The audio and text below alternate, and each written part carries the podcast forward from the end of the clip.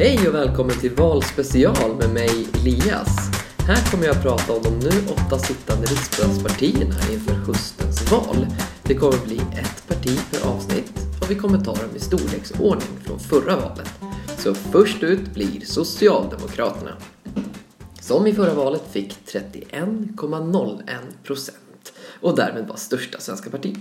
Jag tänkte att vi börjar lite kort med Socialdemokraternas historia. Socialdemokraterna, eller det Socialdemokratiska arbetarpartiet som de egentligen heter, är Sveriges största och mest framgångsrika parti. Det betyder att det är de som har styrt Sverige under längst tid. Under första delen av 1900-talet var det ett arbetarparti. Det betyder att man i första hand fokuserade på arbetarna, de som hade tunga jobb. Eh, nu förespråkar man framförallt frihet, jämlikhet och solidaritet. De som startade Socialdemokraterna, de ville att alla i Sverige skulle ha det bra. Inte bara de som var rika eller de rikas barn. Därför har Socialdemokraterna alltid jobbat för att alla barn ska få en bra skola, att vi alla kan gå till doktorn om vi blir sjuka och att vi ska betala för det här tillsammans. Och det gör vi genom skatter. Socialdemokraternas partiledare heter Stefan Löfven. Socialdemokraternas absolut viktigaste frågor, som de driver allra hårdast, det är solidaritet och välfärd. Vad solidaritet är, det är egentligen att man vill att alla ska vara, man ska hjälpa varandra. Och de brukar alltid säga att de jobbar efter en princip som betyder av var och en efter förmåga, åt var och en efter behov. Och det betyder egentligen att Socialdemokraterna tycker att de som har lite mer ska hjälpa de som har lite mindre. Så man ska hjälpa med det man kan och de som ska bli hjälpta ska få det de behöver. Socialdemokraterna vill stärka den svenska välfärdsmodellen. Och det är ett lite svårt ord, välfärdsmodell.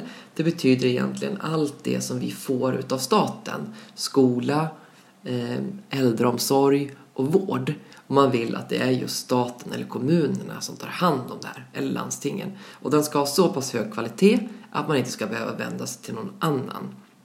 Man är också väldigt, väldigt noga med att man vill stoppa vinstjakten här. Man vill inte att privata företag ska kunna göra vinst inom välfärden. Vad tycker då Socialdemokraterna om skolan? Det kan vara lite intressant att veta när man går i skolan. Jo, man tycker att man ska anställa mycket mer personal och framförallt fler lärare. Man vill absolut stoppa vinstjakten, att skolor ska kunna göra vinst och ta ut pengarna. Och man vill förbjuda alla religiösa friskolor. Eh, man vill att man ska anställa fler specialpedagoger och stärka elevhälsan. Alla skolor ska vara trygga och det ska vara ordning och reda och det ska finnas en ordentlig studiero. Dessutom så vill Socialdemokraterna att alla skolor ska vara lika bra. Det ska inte spela någon roll var någonstans man går i skolan. Utan alla skolor ska hålla en hög och bra nivå. Det ska alltså inte skilja för man kommer från ett område där det är jätterikt eller ett område där det är lite fattigare. Utan skolan ska vara densamma och man ska få samma chans till utbildning. Och det sammanfattar lite utav Socialdemokraternas tanke. Alla ska ha samma chans och ges samma möjlighet att ta sig fram i samhället. Det finns en hel del kända socialdemokrater och jag ska inte räkna upp alla utan vi tar några stycken. Den kanske absolut kändaste socialdemokraten det är Olof Palme. Han var statsminister under lång tid och blev skjuten. Efter honom, när han blev skjuten, så kom det en person som hette Ingvar Carlsson som också var statsminister. Och efter honom följde Göran Persson. Det brukar man säga är tre väldigt, väldigt kända och profilerade socialdemokrater. Det fanns också en socialdemokrat som hette Anna Lind. Även hon blev mördad. Hon eh, och ligger begravd i Stockholm och det gör även Olof Palme.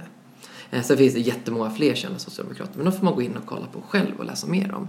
Det här var en dragning om Socialdemokraterna, Sveriges största parti. Socialdemokraterna har en ros som partisymbol. Eh, den här podcasten är gjord utav mig, Elias, i samarbete med vikarielärare.